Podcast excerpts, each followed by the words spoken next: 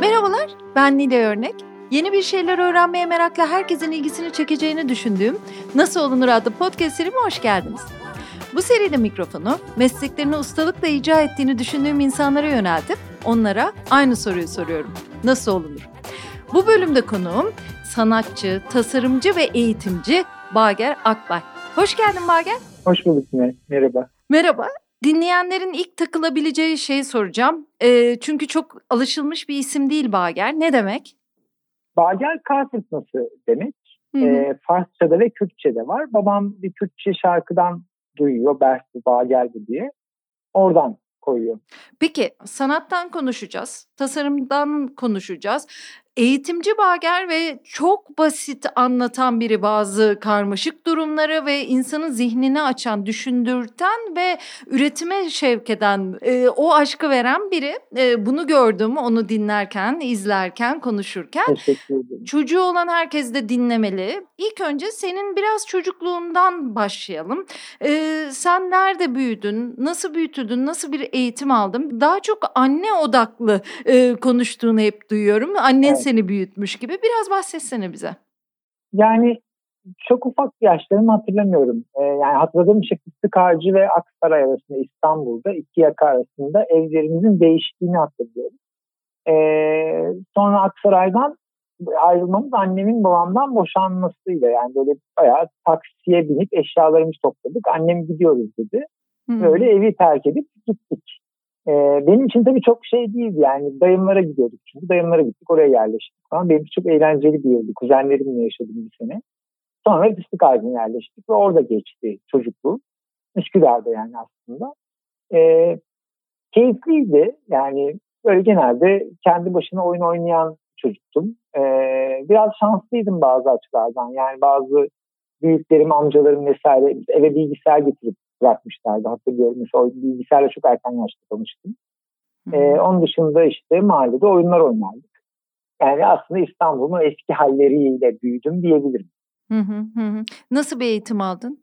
Yatılı okul işte başlıyor aslında. Annem yatılı okul okumuş. Ee, küçükken ve yatılı okulun karakteri iyi geleceğini düşünüyordu. Ee, ve ben de işte Kadıköy Anadolu Lisesi'ni kazandım. Kadıköy Anadolu'da yatılı okudum ortaokulda. Ee, ve gerçekten de çok zordu tabii ilk başta yani 11 yaşında bir anda bir okula gidiyorsun ve oyunun sertliğiyle karşılaşıyorsun ama e, benim çok hoşuma gitti. Sonra da Türk Lisesi'ne geçtim. Yani bir şekilde başarılı oldum sınavlarda şans eseri. Ve ondan sonra da yatılı okul deneyimim devam etti. 7 yıl yatılı okudum ortaokul ve liseyi. Çok da güzel oldu yani aslında orada ailemi keşfettim. Yani arkadaşlarımın nasıl aile oluşturabileceğini orada anladım aslında. Hmm. Ee, ve ve de derinleşmeyi de orada gördüm. Yani çok farklı insanlarla derinlemesine sohbet ediyor. Çünkü yatılı okulda şey vardı yani bir sürü farklı insan vardı.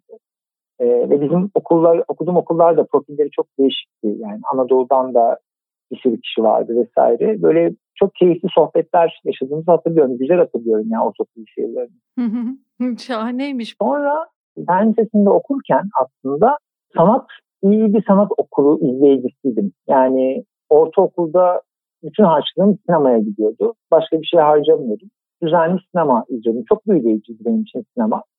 E, film festivalleri oluyordu. Film festivallerinde bütün filmlere gidemiyordum. Param yetmiyordu. Ama onun dışındaki sinemaya ne gelirse izliyordum. Yani gerçekten çok alakası. Yani sanat filmi geliyor, işte aksiyon geliyor vesaire ne geliyorsa izliyordum. Yani tüketiyordum ve merak ediyordum. Şeyleri hatırlıyorum. Yani kitaplara bir açlığım vardı. Ee, ama şey değildim böyle yani hiçbir şeyin kurdu değildim e, şeydim, açıydım yani görmemiş gibiydim. E, çılgın gibi bunlara ücretsiz erişme tekniklerini çalıştım ortaokulda, lisede. Yani ben işte atıyorum kütüphanelerin hepsinin listesini biliyordum. İşte sahaflarla yazın çalışıyordum. Sahaflarda karşılığında sahafları da kütüphane gibi kullanıyordum. Kitapçılarda ayakta kitap okumayı keşfettik. O zamanlar kitap kafeler yoktu daha. Hatta o zamanlar kuruldu diyeyim yani. Bizlerin üzerine kuruldu. Çünkü kitapçılar baktılar ayakta kitap okuyoruz. Bari çay içsinler oradan para kazanalım deyip kitap kafeleri hmm. açtılar. Ve bir şekilde ben e, orada böyle çok iyi bir tüketiciydim. E, ortaokul ve lisede. Sonra tiyatroyu da benzer bir teknikle çözmüştüm. Tiyatroda gişede çalışan bir abla vardı. Onun kızına özel ders veriyordum. O da bana e, bilet veriyordu tiyatrodan. Ve tiyatro oyunlarını da öyle izleyebiliyordum. hep böyle yan yöntemlerle şehirde yaşama becerisi kazanmıştım aslında ve e, iyi bir sanat tüketicisiydim hı hı. diyebilirim. E, daha doğrusu belki de doya doya oldu yani izleye izleye yeterince izleyince oluyor belki de bilmiyorum. Çok güzel söyledin. Peki üniversitede ne okudun? Ee, işte üniversiteye geçerken fen lisesinin sonunda bu sanatçıyı çok kafamı karıştırdı. Ee, bir de şey vardı, burs imkanları vardı. Bizim zamanımızda AFS'ler otelinin bursları vardı yurt dışına gitmek için. Hı hı.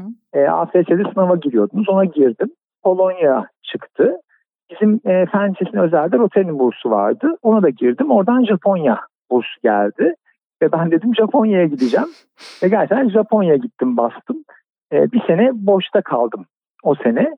E, Japonya çok acayip bir deneyimdi benim için. Yani 18 yaşında Japonya'da olmak çok değişikti. Döndüğümde artık üniversitede geç kaldığımı düşünüyordum. Yani neden bilmiyorum ama çok idealist böyle matematik okuyacağım, matematikçi olacağım şey vardı. Bir yaş bile önemliydi çünkü şeyi biliyordum yani matematikçinin hayat hikayelerini okurdum.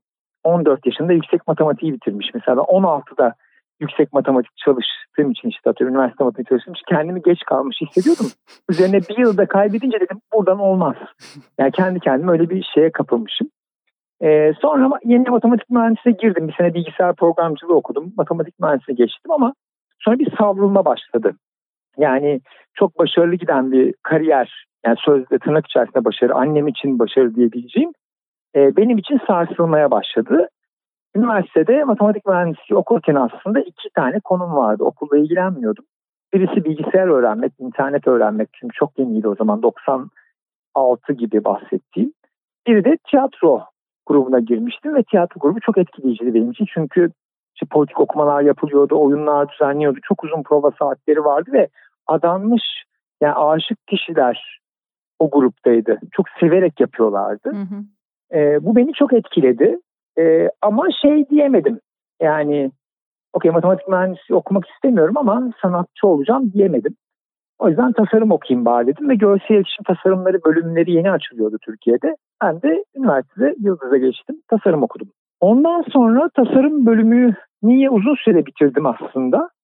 Yaklaşık olarak işte 30 yaşına geldiğimde anca bitmişti üniversite bütün bu hikayenin. Sonra üniversitede hoca oldum direkt, öğretim görevlisi oldum. Ee, ve işte bir yandan tabii yine dışarıdan işler yapıyorum yani firmalarda çalışıyorum. Çünkü ben yaklaşık 19 yaşından beri zannediyorum kendi paramı kazanarak yaşadım. Kendi evimde yaşadım. Sadece krizler olunca Türkiye'nin ekonomik krizleri meşhur olduğu için kriz olunca anne evine dönüyorduk. Kriz bitince tekrar kendi evimize çıkıyorduk. İş para kazanabiliyorduk. O yüzden biraz şey becerim de vardı. Yani iş yapma mesela özel ders de verdim yıllarca. İnteraktif CD'ler vardı hatırlar mısın bilmiyorum. Onları da hazırladım uzun bir süre. Oradan hmm. kazandım geçimimi. ee, ve part time işler de yapardım. Yani öyle çok çekinmezdim işten. Önemli olan hayatımı istediğim gibi yaşamak da aslında. Yani zorunda kalmamak benim için galiba ana şeydi. Hmm. Ondan sonra tasarımı bitirdim. İşte hoca oldum. Hoca olunca biraz daha oturdu gibi hayatım bir süre ama hoca olunca bir de şeyi anladım. Yani şeye üzüldüm. Hani bir şeyler çözülecek aslında hani bu çabalıyorsun ya yıllarca okuyorsun ve bir şey olmaya çalışıyorsun. O olmanın kendisinin aslında çok ilginç olmadığını ve çok biraz onun da yapay olduğunu gördüm. Hmm. Yani o kurumların gözümüzde büyüttüğümüz yapıların aslında o kadar büyük olmadığını fark ettim ve üzüldüm. 3-4 sene hocalık yaptım. Gerçekten çok severek yaptım hocalığı. Ee, ama olmadı yani bir şekilde çok fazla sorun yaşadık okulda. Hocalarla yaşadım yani öğrencilerle bir sorun yoktu. Ondan sonra ayrıldım. Yurt dışında sanat okumaya gittim. Artık yani kafaya takmıştım ya ben gideceğim istediğim şey yapacağım. O geçiş de şöyle bir geçiş aslında.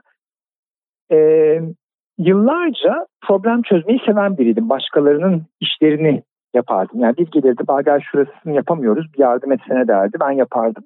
Yani sanat işçiliği diyeceğim işler yaptım aslında yıllarca. Ve orada artık şey dedim ya ben kendi problemlerimi çözmek istiyorum. Yani başkasının problemini çözmek tam çözüyorum ve bütün şey çok üzücüydü benim için. Yani CV'me dönüp baktığımda portfolyoma hep başkasının derdini çözmüşüm. Hmm. Ve kendi derdimin ne olduğunu kendime sorma hakkını görmemişim kendimde. Sanat yapmaya başlama kararı oydu aslında. Ya hmm. benim bir derdim var mı bu hayatla? Neyse bunu bulmam lazım deyip o yolculuğa çıktım. Yurt dışında okudum işte Avusturya'da yüksek lisans yaptım. Sanat üzerine. O sırada evliydim bu arada evlenmiştim. Hı hı. Ondan sonra o sırada çocuk yapmak denemeleri yapıyoruz ve olmuyor vesaire derken bir anda çocuğumuz oldu. O yüzden hemen apar topar Türkiye'ye döndüm. Tekrar hocalık yaptım. 3-4 sene o devam etti. Ondan sonra bir şekilde şey anladım yani benim kendi atölyemi kurmam lazım. Kadıköy'de bir atölye İSKİ'ye 47 arkadaşlarla beraber kurduk. Ondan sonra atölyede üretmeye devam ettim aslında. Evet. Burası biraz savrula savrula bir hikaye. Bu arada ders veriyorum derken ne dersleri veriyorsun? O dersinin adı nedir? Yani ilkokulda başladım ilk e, matematik dersi vermeye ilkokuldayken. Hı. Para kazanmıyordum ilkokulda verdiğim dersleri. Orta sonunda galiba kazanmaya başladım özel ders diye. Ama sonra şeye döndü o. Yani şimdi koçluk falan diyorlar da aslında öğrenmede problem yaşayan öğrencilerin problemlerini çözen bir tür hmm. eğitim veriyordum. Yani şey gibi düşünün işte bir çocuk var ve ders notları kötü işte bana geliyorlar ve ben orada şeyi fark ediyorum işte. Yani genel bir hayata üretim küskünlüğü var o öğrencinin. Yani hiçbir şey yapmak istemiyor aslında matematik kötü değil. Yapmak istemiyor. Dolayısıyla oraya odaklanıyorum. Şeyi beraber salata yapıyoruz. Öbür gün film çekiyoruz. Öbür gün basketbol oynuyoruz. Ve notları yükseliyor sürekli. Hmm. Ve ben bir şekilde de şeyi öğretiyorum yani düşünme, üst üste taş koyma yani o analitik düşünme becerileri, bilimsel düşünme vesaireyi ara ara veriyorum. Öyle bir şeyle başladı eğitimcilik kariyerim. E, ondan sonra da hep şeydi. Öğrenciyken hani şeydir ya mesela bir bazı hocalar konuyu çok kötü anlatır yani. Gösterir kendiniz öğrenin der. Orada tamamlayıcı rollerim olmaya başladı. Yani sınıf arkadaşlarıma yardım ederdim. İşte ödevini yapamayanların ödevini yapmasına yardım ederdim vesaire. Böyle bir öğretmenlik deneyimim oldu yıllarca. Üniversite hocalığına kadar böyle gitti. Hı hı. Üniversitede tasarım üzerine mi dersler evet, verdin? Evet tasarım hı hı. üzerine başladı. Hı hı. İşte ilk ama şey şimdi benim o bu geçmişim karışık olduğu için hibrit e, becerilerim vardı. mesela programlama dersi de veriyordum. İşte tasarım teorisi dersi de veriyordum aynı zamanda. Ya ben hep o şeye alışkındım. Çok şapkalı yaşamaya. Hmm. Yani ve bunların çok ayrık olduğunu düşünmüyordum. Yani insanların bunların ayrık olduğunu düşündüğünü çok iyi biliyorum. Yani benim için birçok şey bir yani kod yazmak benim için felsefe yapmaya benzer. Çünkü oturup bir sistemi analiz edersin, çıkartırsın oradaki yapıyı mantık sistemini kurarsın mesela. Hı hı. Dolayısıyla hani normalde atıyorum bir filozofun kod yazdığını hayal etmeyiz ya. Evet. Halbuki hı hı. çok ilişkilidir. Hı hı. Örnek olsun ya da bir tasarımcı plan yapmayı bilir. E, dolayısıyla kodlama da plan yapmadır falan gibi. Bunların ilişkilerini kurabiliyordum denediğim için hepsini. O yüzden böyle tasarımcılık eğitimiyle başladı. Ee, sonra işte bir işte o Avusturya'dan dönünce birkaç bölüm kurdum. Bir grafik tasarım bölümü kurdum, bir görsel iletişim bölümü kurdum, bir meslek yüksek okulunda. Ee, bölüm başkanlığı yaptım yaklaşık 4-5 sene. Ee, ondan sonra bu atölyeye geçince çok daha özgür bir pozisyona geldim şu an aslında şöyle bir şey yapabiliyorum. O an neyle ilgileniyorsam onun dersini açabiliyorum bir üniversitede. Yani ben genelde anlamak için öğretiyorum aslında.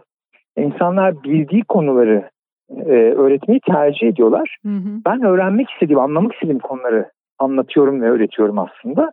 Çünkü öğretmek, yani öğrenmenin pekişmesini sağlayan bir metot. %100. Ee, ben hmm. sanat öğreteceğim dediğim zaman oturup çalışmak zorunda kalıyorum. Sanat nedir'i sormam gerekiyor. O yüzden mesela şu anda 3 ders var son 2 sene içinde verdiğim. Biri Marmara Güzel Sanatlar'da sanat tarihi gibi ama 1990-2020 arası son 30 yılın sanat tarihi. Ee, biri Almanya'da Berlin'de oyunculuk okulunda kukla yüksek lisansına programlama eğitimi veriyorum. Çünkü onlar robotun da kukla olabileceğine inanan bir yüksek lisans. Çok modern bir yüksek lisans. Hı hı. Bir de Bilgi Üniversitesi'nde hikaye anlatıcılığı diye bir ders verdim geçen sene. Şu anda mesela bunlar biraz radarımda. Sen e, bir dönem e, şimdi işte ders e, deyince aklıma da geldi güzel oldu. E, kukla da oynatmışsın değil mi? İşte o tiyatro grubunda zaten 7 sene beraber oyunculuk yaptık. 2 senesi klasik normal tiyatro oyunculuğuydu. Beş senesi kukla ile geçti. Hı hı. Tabii kukla benim orada tabii başıma gelmiş bir şey olduğu için benim hafızamda çok şey yok kuklanın. Yani çok büyük olay ama ben bilerek kukla oynatmadım orada aslında. Yani kukla oynatmaya karar verildi ve ben de parçası oldum ama kukla sonradan çok önüme geldi tekrar aslında. Yani kukla çok iyi bir nasıl diyeyim e, savunma mekanizması olduğunu yani sanatçının söyleyemediğini kukla üzerinden söyletebilmesi. Hmm. Bir nevi mahlas gibi tutabilmesi vesaire çok değerli tabii o kukla oynatma hikayesi. Bir Black Light denen özel bir teknik vardı. Yani daha çok işte Çekoslovakya'da vesaire uygulanan bir teknik. Ee, böyle şey gibi bu minibüslerdeki böyle mor ışık vardır ya hmm. beyazlar parlar. Evet. Hmm. İşte o black light'tır. Hmm. Black light kuklalar tasarlarsın. Kendin boyalar yaparsın. Kuklaları tasarlarsın ve karanlıkta gösterini bir hayal dünyası yaratır. Beş sene bunu oynattık. Black light kukla Vay. yönettik aslında. Hmm, hmm. Biz öğrenmeyi nasıl öğreniriz? Ya çok zor bir soru sordum aslında ama evet. senin temel olarak düşündüğün bir şey olduğundan eminim. Yani gelişi güzel öğreniyoruz bazen belki de bazı şeyleri ama aslında Tabii. yöntemi bilsek çok şeyi daha kolay öğreneceğiz değil mi? Yani şimdi şu var mesela ben bir tane çok eskiden yaptığım bir tekniği anlatayım. Yani bu çok e, herkeste işleyen bir teknik aslında bence. E, bu Japonya gittiğim sırada Japonya'da Go oyunu vardır. Bu siyah beyaz taşlarla oynanan uzak doğuda çok yaygın. okuduk biz de. Şimdi bu Go oyununu öğrenmeye ben e, merak sardı. Daha doğrusu şöyle oldu. Okuldayız. Okulda Japonca dersler çok anlamıyorum. O yüzden ben sürekli bir öğretmen odasına kaçıyorum. Orada bir Japon öğretmen var. O İngilizce bilmiyor. Ben de Japonca bilmiyorum. Bana bir tahtayı gösterdi. Oynar mısın dedi. Dedim olur. Yani ve biz bana konuşmadan Go öğretti. Yani bayağı hiç konuşmadan öğretti falan. Ben Go'yu çok sevdim. O ben bayıldım falan. Go öğreneceğim. Şimdi ne yapabilirim diye baktım. Yani bir şey öğrenmek nedir? Ee, şunu yaptım. Go kitapları okuyorum. Bilgisayarda Go oyunu simülasyonu var. Onunla maç yapıyorum. A- okulda arkadaşlarımla oynuyorum. Turnuvalara katılıyorum. Go kahveleri var. Bizdeki nasıl tavla oynayan kahveler gibi kahveciyle Go oynuyorum. Hı hı. Amatör Go kulüpleri var onlara giriyorum. Cepte Go sorusu çözme şeyleri taşıyorum onları çözüyorum. Go Federasyonu'nun kurslarına, ücretsiz kurslarına, etkinliklerine katılıyorum. Turnuvalarına katılıyorum. Hı. Go çizgi filmi izliyorum. Go'cuların hayat hikayelerini okuyorum. Şimdi o kadar büyük bir spektrum ki bu. Hmm. Birinden sıkılınca diğerine geçiyorum. Çünkü yani elimde 25 tane alana girmek için araç var. Dolayısıyla bütün dünyamı bundan ibaret hale getiriyorum. Şimdi bu bir e, hızlı öğrenme tekniği. Şeyler çok iyi bilir bunu. İnternette grupları vardır dil öğrenme için kullanılan. Bizim klasik dil öğrenmeler çok farklı teknikler kullanırlar. Yani alırlar mesela Fransızca bir kitabı, Türkçe kitabı yan yana açarlar birebir çeviri. Bir o sayfayı bir o sayfayı okurlar. Hiç Fransızca eğitim almadan. Ve böyle öğrenirler mesela. Acayip stres altında bırakarak kendilerini çözerek öğrenirler. Şimdi bunun gibi teknikler var. Bir sürü öğrenme tekniği. Bizim aslında bu demin anlattığım o 25 tekniği gezinirken şunu görüyorsunuz. Ha şu an buna ihtiyacım var. Şimdi buna geçeceğim. Bundan sıkıldım buna geçeyim. Yani tekil bir teknik mümkün değil. Ha iyi olduğunuz teknikler var. Sevdiğiniz, keyif aldığınız teknikler var. Bunları anlamaya başlıyorsunuz. Sonra kendi dokunuzu, o akışı yakalıyorsunuz. Sonra vücut yine direniyor. Yani öğrenmek için o da mekanizma geliştiriyor. Siz de taktik geliştiriyorsunuz.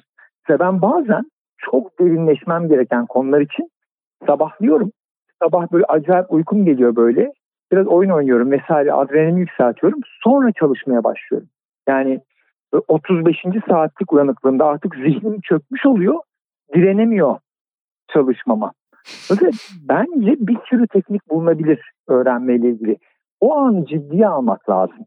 Genelde sorun şurada oluyor. Öğrenmek istemiyoruz. Hmm. Yani anlatabiliyor muyum sorunu? Evet. Böyle şey istiyoruz. Matrix'teki gibi hap alayım. Konu bitsin. Şimdi bir onunla barışmamız lazım. Evet öğrenmek istemiyorsak bunu kendimize yaptıracağız aslında.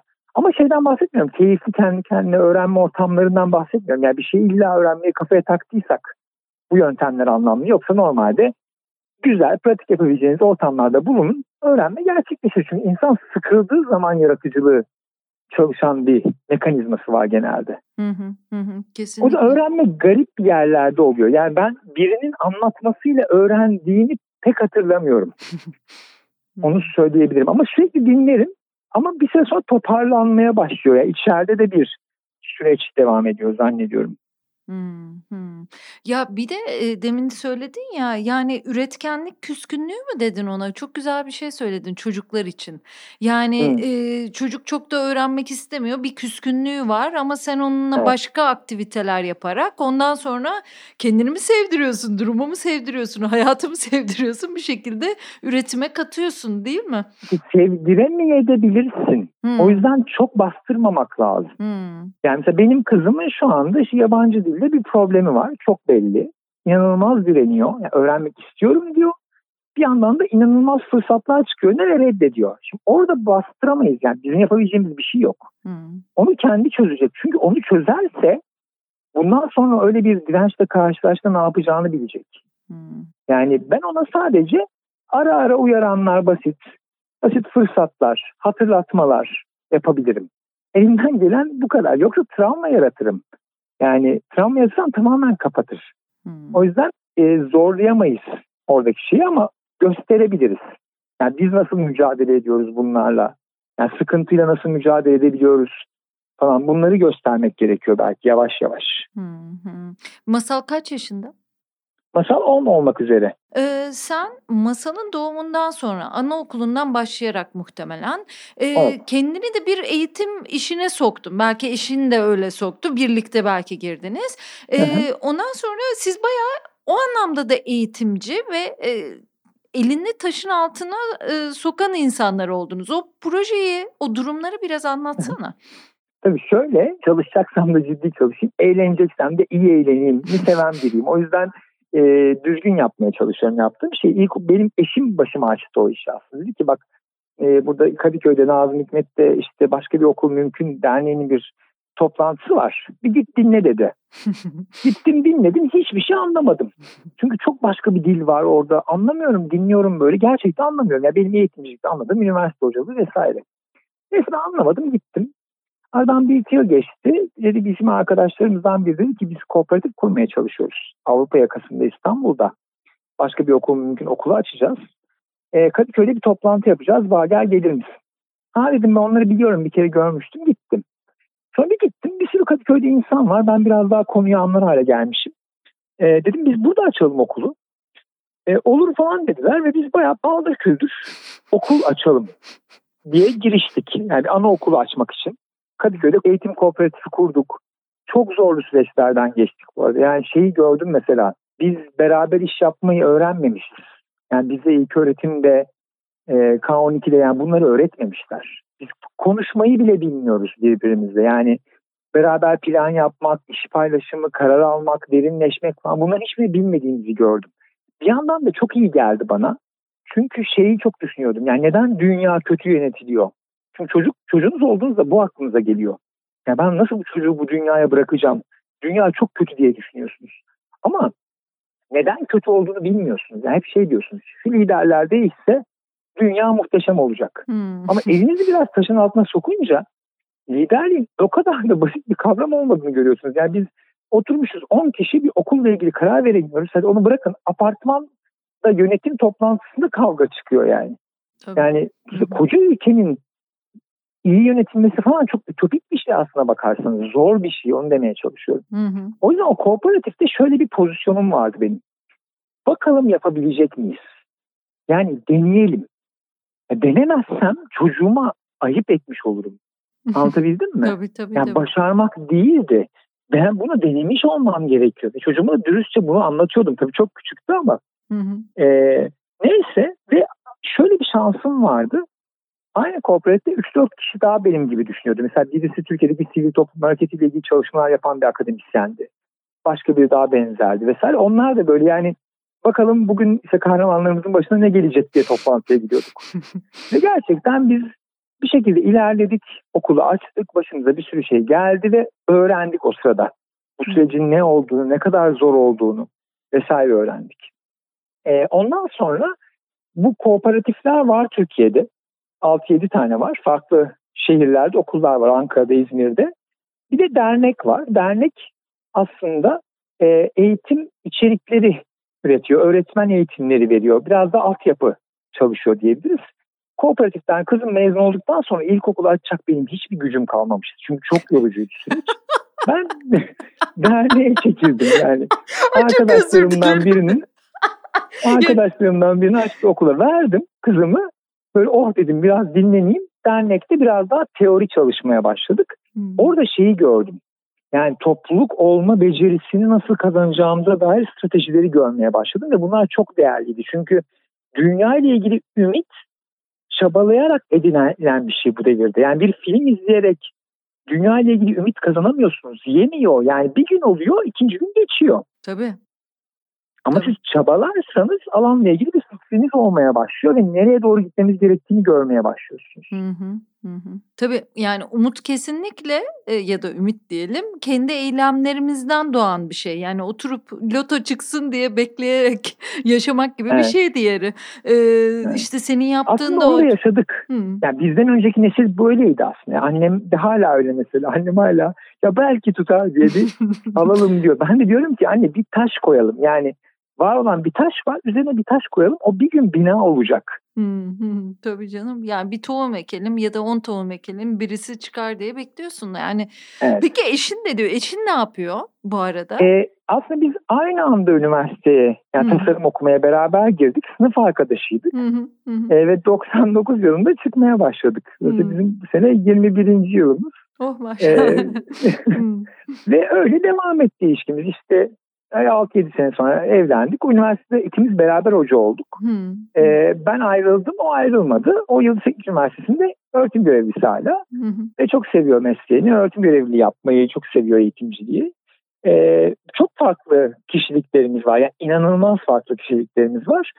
Ama birbirimize olabildiğince alan bırakarak yaşamaya çalıştığımız için çok çeliştik. Yani başta o başka bir okul mümkün çok seviyordu. Ben uzak duruyordum. Sonra o çok uzak durmaya başladı. Ben çok sevmeye başladım. Bunları biraz alan bıraktık birbirimize. Öyle yürüdü. Ya yani ikimizin çok farklı çözüm teknikleri olduğunu söyleyebilirim. Yani mesela ben masalı anlatayım o anlatsın. Bambaşka hikayeler dinlersiniz yani. Ya şahane işte şeye benzetiyorum bir arkadaşım seramik yapmaya başlamıştı. Eşine git çamur al diyor. Adam fırın alıp geliyordu böyle fırın alıp ondan sonra da seramiğe kendisi başladı falan. Biraz o hikayeyi gördüm.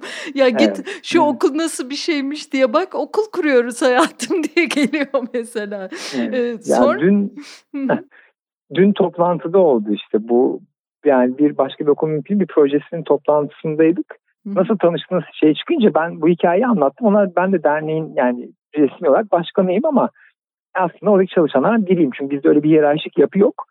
Dediler ki anlamadan nasıl oldu bu dediler. Ben de aslında bugün başta söylediğim cümleyi söyledim. Anlamak istediğim şeyi yapıyorum dedim. Yani çünkü ben şeye inanmıyorum. Ben onu biliyorum demenin çok doğru olduğuna inanmıyorum. Ben onunla ilgileniyorum'a inanıyorum. Ben öğrenmek nedir? Eğitim mümkün mü? Sorularla ilgilendiğim için bunlar başıma geldi aslında. Bütün dert o yani merak ediyorsunuz çünkü. Yani ne olacak yani bu nasıl olacak? Gerçekten olabilecek mi? Ha, bunlar çok heyecanlı geliyor bana. Ee, şüpheci de biriyim aslında. Yani optimistimdir ama şüpheciyimdir. O yüzden orada bir mücadele yaşıyorum kendi kendime. Peki Türkiye'de başka bir eğitim mümkün mü? Vardığın sonuç nedir? E, mümkün. Şimdi şöyle e, bir dönüşüm yavaş olan bir şey. Yani o işte orman inşa edeceksiniz. Ağır ağır yapabiliyorsunuz. Ama ormanı yakmak bir saatlik bir şey. Şimdi yani yapmak zor bir şey. Ağır ağır oluyor. Dönüşüm şöyle oluyor. Belirli bir denge geçince döndüğümüzü anlıyoruz. Hmm. Şimdi ben şunu görüyorum. Bir sürü yeni nesil, yani bu yaş olarak söylemiyorum bu arada bunu. Ama yeni nesil teknikleri bilen, uygulayabilen eğitimci var. Bir sürü yeni nesil kültürü bilen öğrenci var. Çocuklarının iyi eğitim alması için sadece e, çaba değil aynı zamanda alan bırakmak gerektiğini bilen ebeveynler var.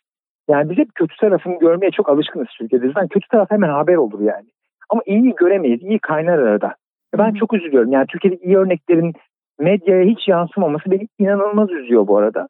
Çok iyi mesela atıyorum ben geçen anlatıyordum işte sanat eğitimiyle ilgili konuşma yapıyordum. Ben üç tane sanat hocası tanıyorum.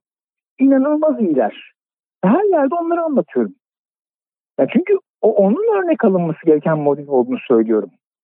Anlatabildim mi ne demek istediğim? Yani çok çok çok. Hı hı. Şöyle bir şey oluyor. Şimdi o üç hoca bir şekilde birileri onları görüyor, çocuklar onlara dokunuyor vesaire. bir farkındalık yaratıyor 300 kişide. Sonra yavaş yavaş o 3 oluyor 30. Sonra oluyor 300. Sonra oluyor 3000.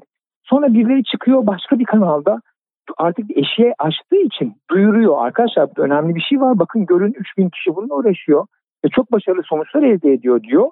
Sonra bir anda onun haberleşmesi, propagandası aslında iletişimi yayılıyor. Ve bir anda eşik aşılıyor ve başka bir şeye doğru gidiyoruz. Hı hı. O yüzden ben eğitimin iyileştiğine inanıyorum. Yani benim çocukken aldığım eğitim şu anki eğitimden daha kötü olduğunu düşünüyorum. Şimdi birçok kişi bunu ölçmek çok zor tabii. Ama ben şunu biliyorum ben 70 kişilik sınıftaydım. Hmm. Sınıfta en arkada oturuyordum. Hocamı görmüyordum bile. Yani bunun iyi olduğunu iddia edenler olabilir ama bu anlamlı değil. Yani şu an çok daha ufak sayıda sınıflar var. Çok daha mesleğini bilen eğitimciler var. Ama şimdi buna tabii sayılarla bakmak lazım. Şimdi biz algıda bir şöyle bir oyun oynanıyor. Genelde Türkiye'de eğitimle ilgili özel problemi söyleyeceğim aslında. Bütün özelleştirmelerde ne yapılır? Önce o alanın adı kötüye çıkartılır ya. Hmm. Ki özelleştirme yapılabilsin diye. Hmm. Hmm. Eğitimde de bence başımıza bu geldi biraz. Hmm. Yani onların artması için bu kara propaganda bilerek de yapıldı bence. E bir sürü iyi eğitimcinin de arada kaynadığını gördüm ben gözümle. Yani ya yok burada çok güzel şeyler yapıyoruz ve kimse görmüyor dendiğini. Çünkü herkes soruna işaret ediyordu. Şimdi önümüzdeki 10 yılda biraz dengeye oturduğu için ben pozitife doğru gideceğini düşünüyorum. Yani şu anda da gitmeye başladığını düşünüyorum. Şeyi geçiyorum yani o politik ikliminden bahsetmiyorum o ayrı. Ama realde bir sürü eğitimcinin daha eğitim vermek için çabaladığını, kendini geliştirdiğini sahada gözlemliyorum. Bunu söyleyebilirim. Hı hı. Şahane. Ben seni dinlerken bayağı umutlandım zaten. O okul projelerini, eee, girdiğiniz çıktığınız çukurları, tümsekleri falan anlatırken yani, işte, şey de demiştim mesela, hani, eee, geldiler, bizi kontrol ettiler, yaptığımız eğitime ya da işe baktılar ve kimse bize karışmadı. Hatta tam tersine evet. "Bize nasıl yapıyorsunuz bunu?" diye sordular, fikir aldılar diye anlatmıştın sen. Değil mi? Aynen. Şu, bak şöyle bir teknik bulduk biz. Ya ben bütün çalışmalarımdan bahsediyorum. Sadece dernek için değil. Biz atölyede de bunları yaptık. Hı hı. Şimdi bazı konular var. Yani ben bir gün e, bu eğitimde işte reform girişiminin şeyi var. Eğitimde iyi örnekler konferansı var ve bir gün oraya çağrıldım. E, Batuhan Aydagül var işte başındaydı o zaman. E, beni aradı ve dedi ki biz hani böyle eğitimle ilgili iyi örnekleri çağırıyoruz. Sen de gel yaptıklarını anlat dedi. Tamam dedim anlatırım ama dedi biz dedi ölçüle, ölçülen kaliteye bakıyoruz. Çünkü bilimsel bir akademik konferans. Ben dedim ki ben sahadayım. Yani dernekten bahsetmiyorum. Kişisel eğitim çalışmalarından bahsediyorum. Çünkü ben çocuklara kodlama ve üretim üzerine bir sürü çalışmalar yaptım. Hmm. E, ekiple beraber, arkadaşlarımızla beraber bir sürü şeyler yaptık. Şimdi orada dedim ki üç tane metriğimiz var bizim. Bir eğitimin kaliteli olduğunu anlamak için. Birincisi devlet okulları yaptığımız teknikleri kopyalıyor mu? Hmm. İkincisi özel okullar yaptığımız teknikleri kopyalıyor mu? Üçüncüsü kurslar vesaire gibi dış şeyler, eğitim metodları kopyalıyor mu? Bunların hepsi kopyalıyorsa doğru bir stratejiye doğru gidiyoruzdur diyoruz.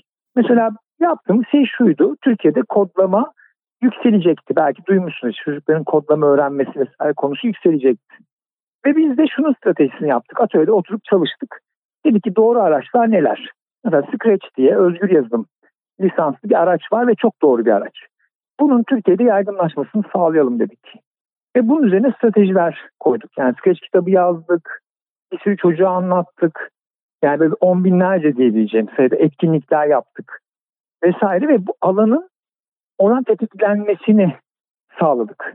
Mesela hikaye aslında bu çok tarafla işi çözme. Herkes işini daha iyi yapmaya çalışıyor.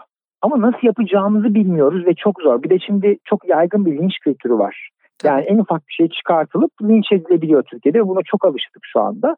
Çünkü aslında biraz da haklı olduğumuz taraflar var. Çünkü göz önünde çok tatsız şeyler de olduğu için bir yandan aşırı tepkili olduğumuzdan kaynaklanıyor bu. O yüzden zor bir şey. O yüzden iyi bir örneği gördüğü anda kurumların başındakiler ve çalışanlar hemen kopyalıyorlar. O yüzden bizim kolay kopyalanabilir iyi örnekler yapmamız gerekiyor. Mesela bir an bir şey vereyim genel olarak bizim çok uyguladığımız bir şey. Mesela çocukların sınıftaki katılımcılığını arttıracak şeyler geliştirmeniz lazım. Sınıfla ilgili kararlar almaları, birbirleriyle katılımcı karar alma becerileri. Yani bu şeyi anlattım ya başta biz neden kooperatif kurarken zorlandık. Çocukların beraber bir şey yapma becerileri kazandırmamız lazım. Yani diyoruz bilim öğretelim, sanat öğretelim, işte tasarım, mühendislik öğretelim. Okey bunları öğretelim de beraber olmayı öğretemediğimiz sürece ne kadar iyi araç kullanırsalar kullansınlar birbirlerine girecekler. Tabii. Bizim onlara beraber yaşamayı öğretmemiz lazım. Yani katılımcılığı öğretmemiz lazım, barışı öğretmemiz lazım. En önde bunlar iletişimi öğretmemiz lazım. Yani nasıl dinlenir, nasıl konuşulur, karşıdaki bir şey anlatamıyorsa onu anlatması için nasıl alan açılır. Hmm. Bunları öğrenmemiz lazım. Mesela bir sürü aslında teknik var ve eğitimci iyi biri. Yani işini yapan, seven biri bunu görünce sizde diyor hocam bu bahsettiğiniz tekniğin adı neydi? Onun bir kursu var mı, kitabı var mı diyor ve tık tık tık tık tık o yayılıyor. O yüzden her şey bakın devlet kurumları özel okullarda herkes aslında iyi gördüğü bir şey kopyalıyor. Dolayısıyla iyi örnekleri e, böyle böbürlenmeden marka sahibi gibi olmadan yapmak gerekiyor hmm. aslında. Çünkü kopyalayarak öğrenebiliyoruz yani evet. Seni nasıl kopyalayacaklar? Nasıl e, sizi yaptıklarınızı görüp o eğitim sistemini e, alacaklar? Bir anne baba için de çok zor. Yani evet kitaplar var, bugün internet var, bilgi edinme yollarımız çok çeşitli ama ya herkes işte öyle kolay öğrenemiyor. Neye bakacağını bilmiyor. Bunlar da bir aset ya aynı zamanda.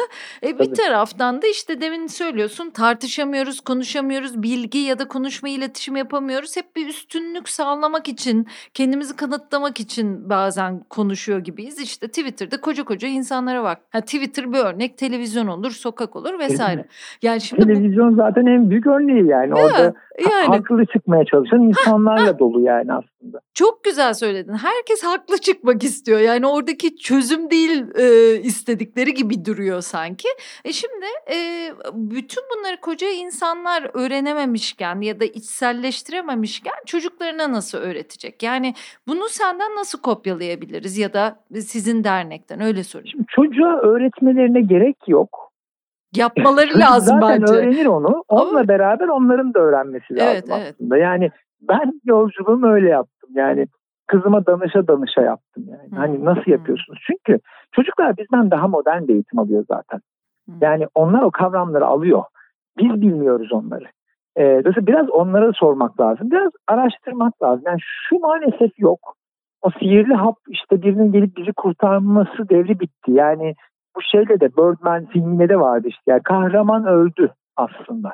21. yüzyılın özeti bu aslında. Yani liderlikle ilgili her şeyi görmemiz vesaire. Yani bizim ayağa kalkıp tamam ya ben de biraz sorumluluk alacağım demem lazım. Hı hı, Ama sorun hı. şu çok kakafoni var. Her şey karışmış durumda ya. Evet. Dediğin endişeyi duyuyorum. Yani ya ben bunu nasıl yapacağım? Benim işim gücüm var. Çocuğa zar zor bakıyorum. Ben nasıl bu karmaşa içerisinde bir de bunları öğreneceğim? Heh, o zaman da kabile olma, yan yana olma kültürü çıkıyor. Yani o zaman paylaşacağız. Forumlarda, çeşitli internette, sosyal medya gruplarında yapıcı dille bunları konuşacağız. Ya biz şöyle bir şey gördük, buradan mı bakalım? Mesela öğretmene işte neden böyle bir eğitim veriyorsunuz çocuğuma demeyeceğiz. Diyeceğiz ki hocam şöyle bir şey veriyormuşsunuz hani ben şöyle şöyle bir endişem var. Bu doğru mu yerinde mi değil mi diye soracağız. Yani soruları sorma şeklimiz, Hı-hı. iletişim şeklimiz değişecek. Hı-hı. Ve böyle yapacağız. Yani beraberce ağır ağır düzelteceğiz. Çünkü bence bu devirde ebeveyn işi çok zor. Yani çocuk yetiştirmek hiç bu kadar zor olmamıştı galiba. Yani eskiden bilmiyorduk yani benim çocukluğumda çocukları salardınız sokağa öyle kendi kendilerine büyürlerdi. Yani benim annem çok gayretli bir anneydi çevredekilere göre onu söyleyebilirim yani. Hı hı. Şimdi bu devirde bir sürü ebeveyn çok endişeli. Yani nasıl olacak nasıl olacak diye. Şimdi o endişeyi biraz azaltmak lazım ama çekirdek aile burada şey oluyor. Sorun yaratıyor biraz. Kendi başına da çözemezsiniz. Yani topluluklarla. E tabii yani kendin düzgün olmak için çok uğraşıyorsun ya Bager bugün. Yani ben yoldan çıkmamak için sürekli e, bir şeyler yapmak zorunda hissediyorum bir birey olarak. Yani bağırmamak için, e, ne bileyim işte çıldırmamak için gibi diyeyim. Bizler böyle hayatla e, savaşırken e, çocukların izlediği rol modeller olmamız daha zor sanki. Yani ben şimdi anne babama bakıyorum. Ben bugün hala bir banka oturuyorsam parkta yanımdakine buraya gelecek biri var mı oturabilir miyim diye soruyorum biliyor musun? Annem bana öyle öğretmiş. Yani çocukken evet. öyle öğretilmiş. İşte telefonda açıp kendini tanıtmak öğretilmiş. Uygun musun evet. diye sormak öğretilmiş. Yani şimdi hep böyle şeylere bakıyorum ben bunları çocukken öğrenmiştim diyorum yani. Ee, Tabii. Ama izliyorsun yani, da o da öyle. Yani annem babam kendileri de böyleydiler. Yani şimdi başka şeyler var. Yani bir, bir şeyden tabii kurtulmak lazım. Kolay demiyorum. Bu arada yani ben şey gibi e, duyulmak da istemiyorum yani. Hani Bager bunları çözmüş. Ondan anlatıyor. Öyle bir şey yok yani. Ben çocuğumla birçok bir sorun yaşıyorum ve e, bu sorunlar sürekli değişiyor. Dolayısıyla her ebeveyn gibi biz de sürekli olarak düzenli olarak krizler yaşıyoruz yani. Ama şimdi olay krizin tabii çok büyük krizlerde gidip bir uzmana danışıyorsun yani kendi başına çözmüyorsun çok büyükse. Ama kriz bir şekilde kaldırılabilir şekildeyse ne yaptığın önemli. Şimdi çok basit bir tanım vereceğim. Üniversitede hocayken ben e, bir şey yaptım. Ders ilk derse girdim. Dersim bitti. Öğrenciler gitti. Ben çok üzüldüm. Şimdi yıllarca öğrencilik yapmış bir olarak üzülmem komik gelebilir ama dersin güzelse niye gittiler diye üzüldüm. Yani olay ders saati miydi? Güzel bir şey yapmıyor muyduk burada diye üzüldüm. İkinci derste dedim ki ben de onlarla gideceğim. Gerçekten çıktım öğrencilerle. Beraber kafeye oturdular. Ben de oturdum. Sohbet ettik ve dersten daha güzel bir ders oldu orada. Hmm. Dedim o zaman benim okula bir kase açmam lazım dedim. Yani demek ki orada kendilerini rahatsız ediyorlar. Yani sınıf ortamında bir huzursuzluk var. Okul yönetimine gitti dedim ki ben bir kase açmak istiyorum dediler. Saçmalama okulda yer yok. Ne yapalım ne edelim derken odamı dönüştürebilir miyim dedim böyle bir atölye, kulüp odası gibi. Olur dediler istediğini yap. Öğrencileri açtım fikri yaptık. Böyle herkes evinden eşya getirdi ve bir kafe gibi düzenledik. Bilgisayarlar var, kütüphane var, isteyen takılıyor, çalışıyor, kimse kimseye karışmıyor. Gerçekten de çok güzel sohbetler ve üretimler olmaya başladı. Bunlar olunca bu sefer yönetimden şöyle bir itiraz geldi. Dediler ki çok gürültü geliyor orada. Yönetim dedi ki kapatmak istiyoruz. Şimdi bence bu çok kritik bir an. Sorun çıkınca ne yapıyoruz? Hmm. Yani bir insan kendini yenilikçi ya da muhafazakar olarak tanımlayabilir ya. Evet. Türkçe'de bu kelimelerin bazı anlamları var ya. Hı hı, bunlar çok yanlış anlamlar. Hı hı. Muhafazakarlık şudur. Sorun çıktığında sorunu yok etmektir. Hı. Yenilikçilik ise sorunu anlayıp sorunda bir fırsat var mı? Bunu bir şeye dönüştürebilir miyiz? İnovasyon böyle çıkar. Ve orada biz gerçekten de olay çıkarttık.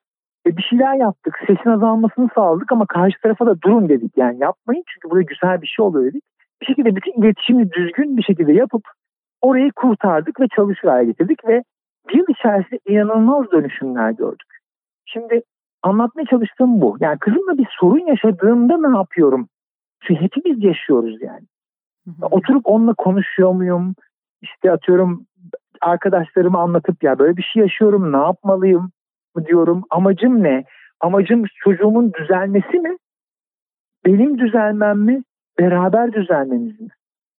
Yani anlatabiliyor muyum? Tabii, tabii. Onun düzelmesi ise bu bir yenilikçi bir şey değil. Bu muhafaza etmek yani. O çocuk işte yoluna girsin, bir çocuk olmayı bilsin, düzgün davransın değil olay. Beraber bir yolculuktayız ve beraber öğreneceğiz. O yüzden bence bu şeyde de vardır bu arada. Yani zen öğretisinde de vardır. Problemin kendisinde aramak o anı. Ama şunu kabul edeceğim. Nefesiniz yoksa bunu yapamıyorsunuz. Yani hayat çok hızlı geçiyorsa ve zar zor ayakta duruyorsanız bunu yapamıyorsunuz. O yüzden önce kendimize bakmamız lazım. Yani birinci koşul biraz olsun akıl sağlığımızın, fiziksel sağlığımızın yerinde olması. Sonra diğerleri. Hani bu derler ya uçakta maskeyi önce kendine tak sonra çocuğuna tak diye. Şahane. O yüzden maskeyi bir önce kendimize takmamız lazım. Yani bizim sağlamamız, iyileşmemiz lazım. Evet. Bunu da hatırlamamız lazım. Yani kendimizi hatırlayıp nasıl iyileşeceğimizi hatırlayıp falan bu yöntemlere bakmamız lazım ve bir insanın bireysel hayatı olmalı. Yani çoğumuzun yok mesela koşuşturma içinde bir annenin babanın kendine ayırabileceği zamanları bile olmuyor çoğu zaman. Hı hı. Biraz olması ve bunları korumayı öğrenmemiz lazım ki diğerlerine de birazcık nefesimiz olsun ki destek olabilelim. Yani başka türlü olamayız zaten. Hı hı hı. Yani o saçını süpürge eden ebeveyn yürümüyor. Onu demek istiyorum. Hani bize öyle öğretildi ya. Evet. Benim annem bana derdi yani ben sana saçımı süpürge ettim derdi. ben de etmemen gerekiyor derdim yani aslında. Biraz o mücadeledeyiz galiba. Kesinlikle. Seninle ilgili bir şeylere bakarken 2016'daki e, bir TED konuşmanı dinledim. E, zenginlikle ilgili nasıl zengin evet. oluruz gibi bir şeydi. Mesela orada sen çok güzel şeyler söylüyorsun. Şöyle bir şeydi galiba. Zamanımızın hani çoğunda özgürsek, bilgiye ulaşma evet. becerimiz varsa, işte ufak çapta ünlüysek, bunu aslında açmak evet. da lazım biraz belki ama dostlarımız varsa bu çok önemli. Ee, kendimizin farkındaysak biraz da paramız varsa bayağı zenginiz gibi bir şey anlatırken Tabii. özellikle zamansal zenginliği anlat ve bir iş e, modeli ortaya koydun. Yani kaç günden fazla çalışmayın diyordun aslında orada. Yani bir iş yerinde Şöyle manasında. Yani iş istediğiniz kadar tabii çalışabilirsiniz. Yani. Ama iş, iş hep bize şöyle öğretildi ya sevmediğimiz şey. Hı hı. Yani zorunda kaldığımız şey. Evet. Zorunda kaldığın bir şey ise gerçekten 3-4 gün geçmemesi gerekiyor ki hayatta kalın. Şimdi ben bu örneği verdim herkes şey diyor ya biz 6 gün çalışacak iş bulamıyoruz diye altı yorum dolu. Ya zaten ben o kişiye demiyorum. Yani ben de açken 6 gün çalışmaya tabii ki tamamım yani. Otururum 6 gün çalışırım ekmeğimi kazanırım. Ama biraz rahatladıysam 6 gün çalışıp 2500 lira almak yerine 5 gün çalışıp 2000 almayı tercih ederim diyor. Hı hı. Yani orada bir denge var. Paranın artması bir yere kadar işe yarıyor da sonra zamanın artması işe yaramaya başlıyor. Bunu anlatıyorum. Çünkü ben şöyle bir ortamda büyüdüm. Şimdi bir sürü iyi okulda okuyan, Türkiye'nin en başarılı öğrencileri olarak yetiştirilmiş kişilerin haftada 6 gün çalıştığını gördüm. Ve dedim ki arkadaşlar ne yapıyorsunuz? Ya burada bir sorun var. Çünkü şu o bütün o zenginlik kavramı benim orada uğraştığım bir tane temel bir şeye dayanıyor. Opsiyon teorisi diye bahsettiğim. Aslında çok basit bir şey yani. Ne kadar opsiyonun varsa o kadar zenginsin. Yani bu kadar basit her konuda. Yani yemek konusunda, sohbet konusunda, üretim konusunda, her konuda. Bütün o teori ona gidiyor. Çünkü parayı biz niye zenginlik birimi olarak kabul ettik? Paranın dönüştürülebilir olmasından dolayı. Hmm. Anladın mı? Yani param varsa her şeye dönüştürebilirim dedik. Yani kapitalizmce bunu söyledi. Paran olsun her şeye dönüştür dedi. Hı Şimdi ben de diyorum ki o hikaye biraz uzun sürüyor. O kadar çok para kazanıp her şeye dönüştürmek baştan dönüştürebileceklerimizi dönüştürelim. Yani baştan e, arkadaşlıklarımızı sahip çıkalım. Çünkü mesela örnek vereyim. Ben bu sene hayatımda ilk kez psikoterapiye başladım. Ve psikoterapiye gidince dedim ki yani neden geliyorsun dedi psikoterapist. Ben dedim ki arkadaşlarım gitti. yani Covid vesilesiyle yurt dışına gidenler, şehir dışına arkadaşım kalmadı. Arkadaşım kalmadı sohbet edemiyorum. Hmm. O yüzden birileri konuşmam lazım, bir bakım yapmam lazım. Çünkü arkadaşlarım benim terapistimdi. Hmm. Onlara ders yanıyordum, anlatıyorlar dedim. İşte bu kadar basit yani. Hmm. Aynı maliyet olarak anında yüzüme vurdu. Şimdi bunlar basit şeyler aslında. Yani hepimizin temelde biz zenginliği para üzerinden tanımladığımız zaman şeyi hmm. anlamıyoruz. Yani mesela köyde biri var. Oturuyor. Keyfi yerinde. Biraz çalışıyor, az yiyor Güzel. istediklerini yapıyor. Orada bir kendine bir alan kurmuş bahçe hobi için. Onunla uğraşıyor. Bir yandan iş için yaptığı şey var. İşte bu insanın zengin olduğunu anlatmaya çalıştım. Yani tek yön yok aslında burada. Bir sürü yön var. Tabii tabii çok bir güzel. De ben bir kavram kaçırma dediğimiz term hijacking denilen bir teknik uyguluyorum.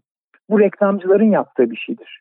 Reklamcılar alırlar bir kavramı, kullanılan bir kavramı kendi kurum yani çalıştıkları firmaya göre o kavramın anlamını değiştirirler. Hmm. Yani güzelin anlamını değiştirirler, iyinin anlamını değiştirirler. Bir sürü şey değiştirirler. Ben orada zenginliği geri çağırmaya çalıştım. Hmm. Bizim çocukluğumuzdaki anlamına geri kaçırmaya çalıştım. Çünkü ben çocukken bu o cümlenin hepsi söylenirdi bize. Hatırlıyor musun yani para değildir her şey, tabii, arkadaşların tabii, tabii. olsun, hı hı, hı. o kendine zaman ayır vesaire. Bu bilgelik vardı. Ama Tabii. yeni nesilde kimse bunu söylemiyor. Hı hı. O yüzden onu geri çağırdım. Hı hı. Sen de e, farklı ilgi alanlarından onu dönüştürmeyi ve aslında onları bir etmeyi gördüm. Aslında çocuklardan öğrendiğim şeylerden biri bu galiba. Yani bu çocuklarda var zaten. Yani bahsettiğimiz yaptığın şeyin ne işe yarayacağını bil ona göre yap bir yetişkin hastalığı cümlesi. Evet. Hmm. Yani mesela bir yetişkin süreçle ilgilenmeyen biri genel anlamda sonuçla ilgilenen biri. O yüzden önüne boş kağıt kalem koyup yolda beklettiğinizde onu kullanmayan birisi genelde. Çünkü biliyor yani kafasında düşünüyor. Şimdi oturacağım biraz çizeceğim bir şey hayal edeceğim başlayacağım yarım kalacak küseceğim. O yüzden yapmayayım diyor yapmıyor. Yani süreç e, çok ilgilenmiyor yetişkin sonuçla ilgileniyor. Şimdi orada çünkü süreçle ilgilenseniz aslında bu karmaşık şeylerin süreçleri birbirine öğretiyor. Hmm. Sonuçları öğretmek zorunda değil. Yani sonra bitkiyle uğraşırken bir erdem kazanıyorsun aslında. Hmm. Bilgi de kazanıyorsun ama bir erdem de kazanıyorsun. Yani orada bir şey anlıyorsun. Bir başka bir problemi çözüyorsun. Hı. Oyun oynarken de böyle yani oyun da öyle, hobiler evet. de öyle. Bunların hepsi ilişkili. Hı. Bir de şu var tabii. Şimdi biz bu ayırmayı yapmamızın başka bir problemi daha var. Bu ayırma dünyanın tek bir mekanizma, tekil bir yapıda bölünmesi herkesin uzmanlığı olması teorisinden geliyor. Hmm. Yani sen uzmanlığını yap, ben uzmanlığımı yapayım böyle gitsin. Şimdi bu teori fena bir teori değil. Bu teori sayesinde günümüzdeki birçok teknolojik gelişme yaşadık. Ama o kadar da abartmaya gerek yok. Ara alanlar birbirine katkı sağlar. Başka alanlar birbirini besler. Yani günümüzde bir alanları birbirine bağlayan insanlara da ihtiyacımız yok. Bu arada insan daha çok öyle seviyoruz. Ben. Yani ben çocuklarla çok konuşuyorum bu konuyu. Ne meslek yapmak istiyorsunuz? Derinlemesine konuşuyorum ve şey diyorlar. Yani dönüşümlü meslek istiyoruz. Tabii. Yani biraz onu yapalım. Sonra Hı-hı. biraz bunu yapalım. Hı-hı. Şimdi neden diyorsun? Öbürü çok sağlıksız diyorlar. yani sürekli aynı mesleği yapmak sıkılırsın yani diyor. Sıkıldığın için de kötü yaparsın diyor. Ya bu çok basit ve doğru. Biz pratik sebeplerden dolayı tek meslek, 20 yıl, emeklilik, 5 gün aynı işi yapı çıkardık. E günümüzde zaten işler çok hızlı değişiyor. Evet. Aslında yani şirketler mesela akıllı şirketler bunları yapmaya başladı. İçeride projede rolleri değiştiriyor. Hmm. Gezdiriyor mesela cycle'lar, döngüler var mesela. Sen bir proje yöneticisi oluyorsun. Bir oraya çalışan oluyorsun. İşte bir o projede işte atıyorum müşteri sorumlusu oluyorsun. Burada geziniyorsun sonra. Sürekli hmm. geziniyorsun. Ve bu güzel geliyor mesela. Sabit durmak yerine döngüler güzel geliyor. O yüzden burada birçok pratik teknik var. Bunları yeni nesil zaten bize zorla getirtecek. Hmm. Çünkü şu anda büyük kurumlar özellikle iyi çalışanları bulamıyorlar. Çünkü istemiyor yani. 6 gün gireceğim, orada çalışacağım. istemiyor. Ben bir yandan yani gitar çalacağım, bir yandan şunu yapacağım. Evet çok kazanamam belki öyle ama daha mutlu yaşarım diyor mesela. Tabii. Bazı insanlar için o zamandan korkma durumunu da görüyorum. Mesela üç gün, dört gün bir iş yerine gitmek var. Gerisinde sana boş vakit kalıyor diyorsun mesela. Bazı evet. insanlar o vakitten korkuyorlar. Şimdi bizler yani ona hobi demekten de çok hoşlanmıyorum ama hani hobi diyelim ya da ilgi alanı diyelim. Yani beni boş bırak boş diyelim yani işte iş yapmıyor olayım bir yere bir yazı yetiştirmiyor olayım program yapmıyor olayım ya bin tane şey bulurum yani hayatta yani sıkılırım ama sıkılmam. Yani işte kitap evet. okurum, filme bakarım, işte ne bileyim çiçek ekerim, yürürüm, kuşlara bakarım. Yani bin tane şeyim olur. Ama pek çok insan o boşluktan korkuyor gibi de geliyor bana. Çok görüyorum öyle. Sanki emekli olmuşlar böyle boşa düşmüşler gibi bir halleri oluyor. Evet aynı soruna geri dönüyorsun çünkü. Yani kendinle yüzleşiyorsun. Ve şey hmm. ister ya herkes freelance iş yapayım, evden iş yapayım falan çok zordur disiplini kendini iyi bilmen gerekir kendini disipline etmen gerekir zor bir şeydir gerçekten de yani Mesela evet doğru yani zor olduğunu kabul ediyorum ben de yani o disiplin ama yani ben mesela başka yolum olmadığı için yaptım. Yani bilmiyorum böyle şey değil yani bu anlattığım çoklu iş sistemi herkese de uymayabilir ama abartıldığı için o tekli iş sistemi bunu istemeyen insanlar da var en azından. Yani günümüzde bunun farkına varıyoruz. Çünkü şey şuna da saygılıyım. Mesela biri diyor ki ben belirli bir işim var. 20 yıl aynı işi yapmak istiyorum. Yani onun da meditatif bir şeyi var aslında baktığında alanı var. Hı hı. Yani onu da güzel bulan olabilir. O ayrı yani köşede dursun yine. Ama gerçekten de e, ben de kendim yani kendimi biliyorum. O gezinme şeyini seviyorum ve dediğin gibi sıkılmayla yani sıkılmak çok önemli bir şey aslında. Yani sıkılma bir tane şey söyleyeyim mesela yaratıcılıkla ilgili bir sürü tanım vardır. Benim en sevdiğim şeydir her tür kötü eğitime rağmen başarılı olan şey yaratıcı denir diye bir tanım var ve çok severim bu tanımı. ve şeyi hatırlıyorum yani okulda çok sıkıldığımı hatırlıyorum. Ve galiba bütün hikaye orada başladı. Yani o sıkıntıda ne yapıyorsun? Yani sıkıntıda ölüyorsun ve ne yapıyorsun? Yani bir alan yaratabiliyor musun? Bir oyun yaratabiliyor musun? Hikaye o aslında. Yani dolayısıyla biraz sıkılmaya izin vermek lazım. Aslında sıkılmak birçok kişinin lüks bu arada yani o da ayrı bir konu ama e, benim çıkışım şöyle olmuştu. Yani çok yoğun tempoda çalışıyordum. Ev çok yoğundu, okul çok yoğundu. Şöyle bir taktik buldum bir gün. Bir toplantıdan bir sonraki toplantıma yetişmem lazım deyip 10 dakika önce çıkıyordum. Bir sonraki toplantıya da ben geç kalıyorum deyip 10 dakika geç kalıyorum diye haber veriyordum. Arada bir 20 dakika yaratıp taşı bir yere oturuyordum. Yani bomboş bir yere boş olarak oturuyordum. Ben öyle çıktım. O 20 dakikalar beni kurtardı. E orada başladım. Ne ne istiyorum ben ya? Ne yapmak istiyorum? Ne koşturuyorum yani? Bu kadar bana mı bağlı bu hayat? Vesaireleri ben öyle çıktım mesela o işin içinden. Hmm. Herkesin kendi çıkış yolu ama dediğin çok değerli. Yani sıkılmayla barışma, onunla yüzleşme benim için değerli. Bu sanat ve tasarımı sen tarif ederken çok güzel ayırıyorsun. Bize bir anlatsana sanat nedir, tasarım nedir? Bizim kafamız o konuda e, karışmış durumda çünkü. Kendi perspektifimden anlatacağım aslında. Tabii, yani biraz daha da büyüteyim, bilimi de katayım, Hı. mühendisliği de katayım, bir toplu bir şeyden gideyim. Şimdi Devi ben de yıllardır anlatıyorum, okuyorum, düşünüyorum bunlar üzerine. Şimdi tasarım ve mühendisliğin sahadaki tanımı yani uygulamadaki tanımı başka birinin size tanımladığı bir problemi çözme üzerinden. Yani bir kurumun, bir hedef kitlenin, birinin bir şeye ihtiyacı var. Yani okula afiş tasarlayacaksın, işte bir yere bardak tasarlayacaksın, bir firmada süreç tasarlayacaksın. Birinin bir şeye ihtiyacı var ve sen onun metodlarını biliyorsun.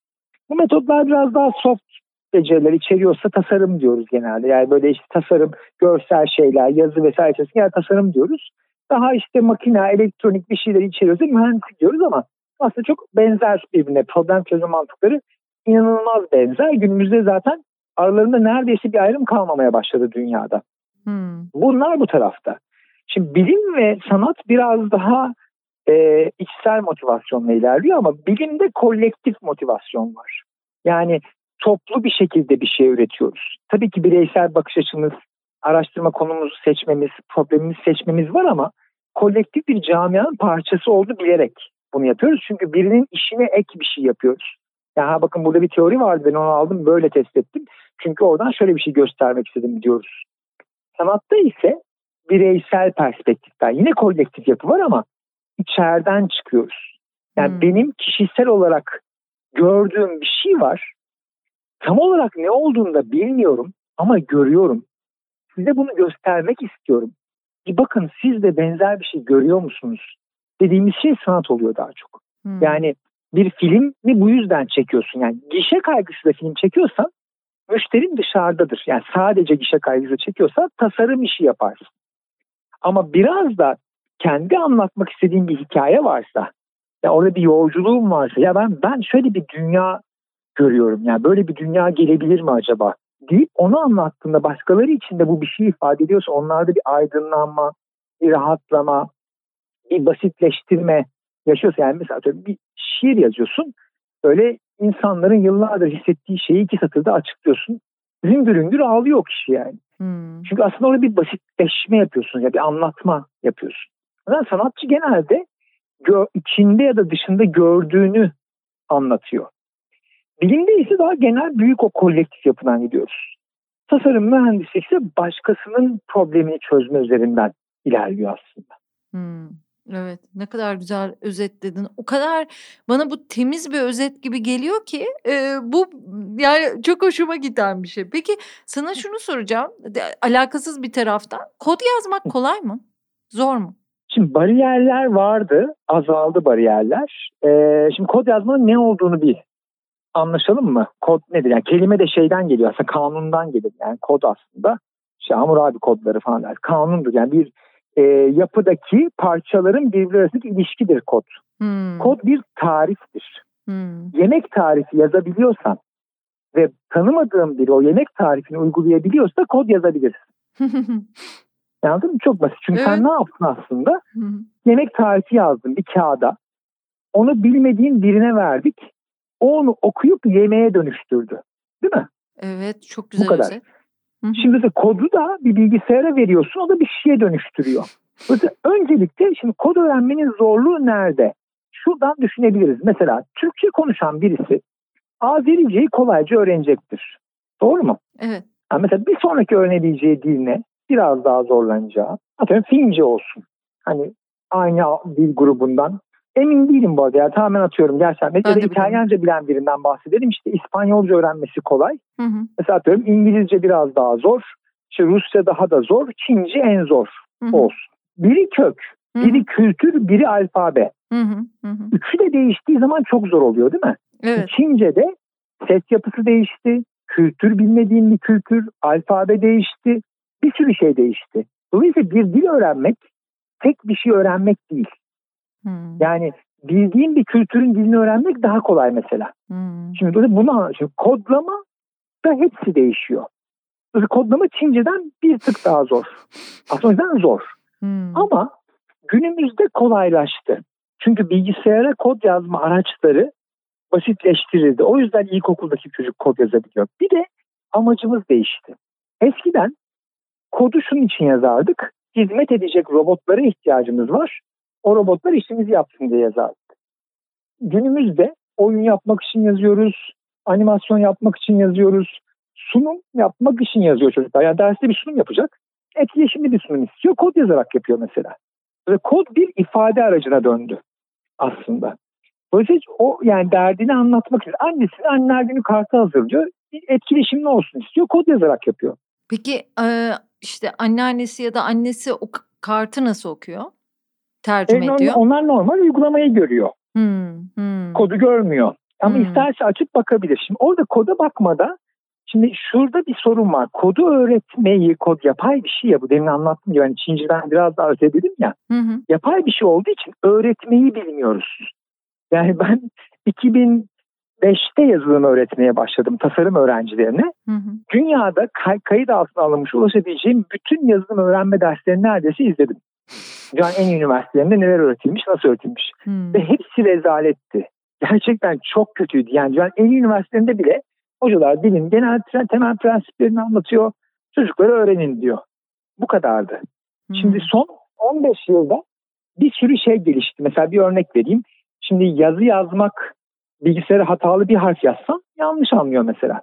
Evet. Buna söz dizim hatası denir. Hı hı. Ama mesela o demin anlattığım Scratch dili söz dizim hatasına izin vermez çünkü bloklarla ilerler gibi. Hı.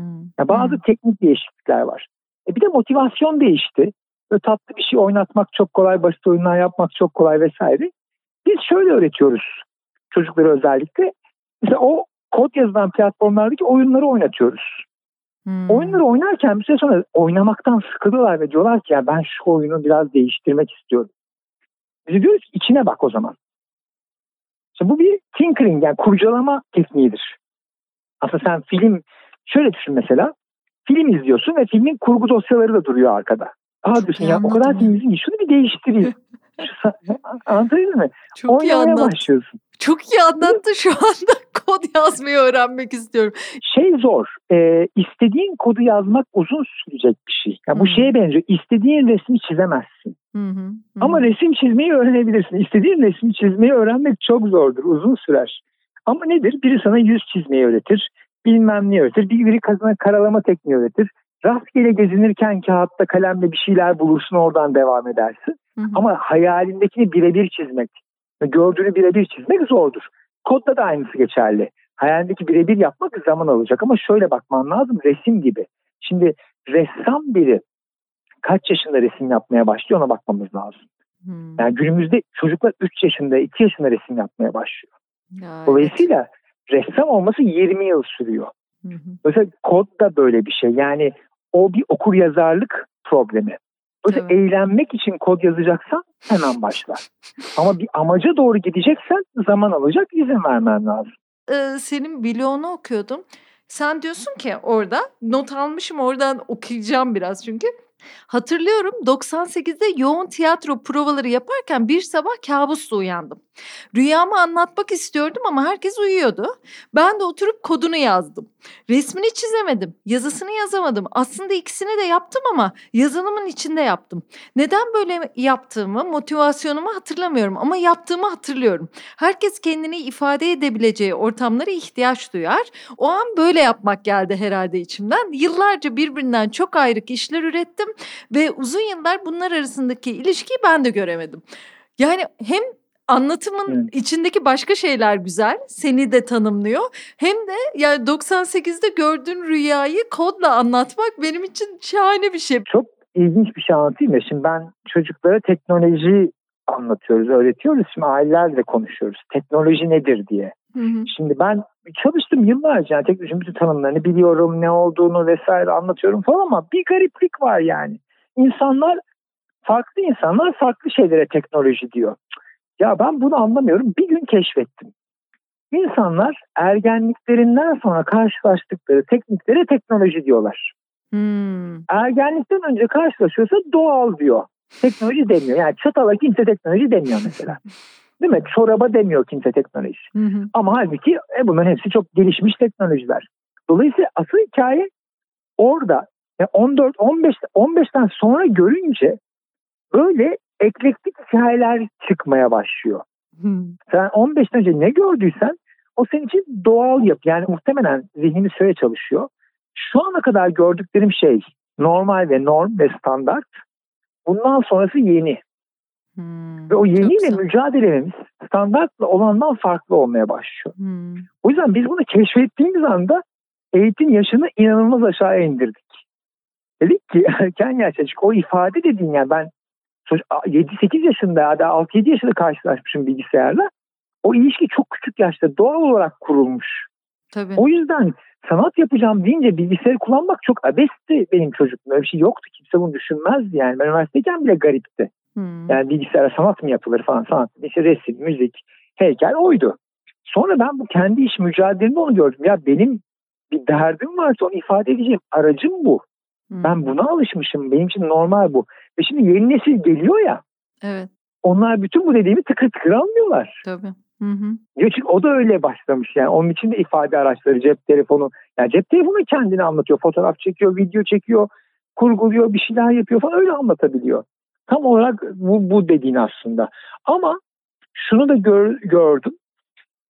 Ee, biraz şey sen, yani böyle bir hacker diyeceğim. Yani böyle o kendi yöntemlerine müdahale edebilir biriysen bunu kırabiliyorsun. Hı hı. Yani sonradan öğrendiğin şeyi teknoloji olmaktan çıkartabiliyorsun. Bu da aslında o ta başladığımız öğrenmeyi öğrenmenin yetişkin formu aslında. Hı. Yani sen alıp onu diyorsun ki tamam ben buna bir kafa yoracağım çünkü sen çok belli çok çalışkan biriymişsin yani. Bak bir şey anlatayım. Biyosanat üzerine bir konuşma yapacağım işte Flu TV'de yapacağım. Güya aylardır yapacağım.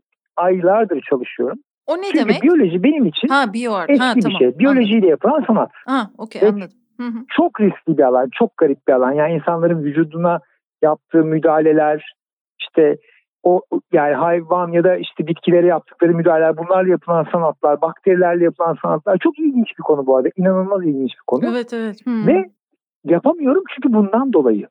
Yani direniyorum. Anlatabildim mi? Benim için çok yeni çünkü bu. Şimdi Hmm. kodlama da böyle bir şey aslında. Biyoloji de böyle bir şey. Hiç öyle bakmamışız. Yani şundan bahsediyor şu an araştırdığım şeylerde. Türler yarap yapabileceğimizden, hayvan türlerini değiştirebileceğimizden. İşte atıyorum Covid aşısını bulmak için insanın genetik yapısını değiştirebileceğimizden falan bahsediliyor. Ve bunlara bakınca böyle anlamıyorum yani o kadar büyük ve başka ki. O yüzden şunu yapıyorum. Demin o anlattığım başta şey vardı ya Go öğrenirken yaptığım teknik Hı hı. sürekli bunu yapıyorum. okuyorum, birilerine anlatıyorum, tekrar dinliyorum. Başımı buna soktum yani. Hala anlamaya çalışıyorum. Sürekli bir şeyler kurcalıyorum. Orada galiba şöyle bir şey oluşuyor. Hani Tetris oynardık ve sonra böyle gözlerimizi kapadığımızda Tetris'i görürdük ya. Kesinlikle çok iyi. Orada galiba beyinde şöyle bir şey var. Ya diyor ki bu kadar oynadığına göre hayatta kalması için bunu öğrenmesi lazım galiba diyor. Hmm, O yüzden rüyanda falan onu görmeye başlıyorsun. tabii. Ben Hı. galiba o travmayı kendime yaşattırıyorum yani. Hı. Hani onu o kadar etrafıma sarıyorum ki hı. vücut ona göre dönüşmek zorunda kalıyor aslında. Ama çoğu yeni şeyde buna ihtiyacımız olmadığı için insanlar bunu yapmıyor tabii de. Ee, sen anlatırken bir yana kendi öğrenmemle ilgili bir şeyleri de fark ettiğim için onu anlatayım dedim. Aynı şekilde sen bir şey söylediğinde ben de kendimle ilgili bir şey fark ediyorum. Gazetede e, hafta sonu iki yaparken çok geç saatlerde gelirdik mesela eve. Dörtte beşte gelirsin yatarsın. Ondan sonra yeni böyle son okumaları yapmışsındır falan. Bazen hata bulurdum yani hatayla uyanırdım. Ya da ah keşke şunu yapsaydık.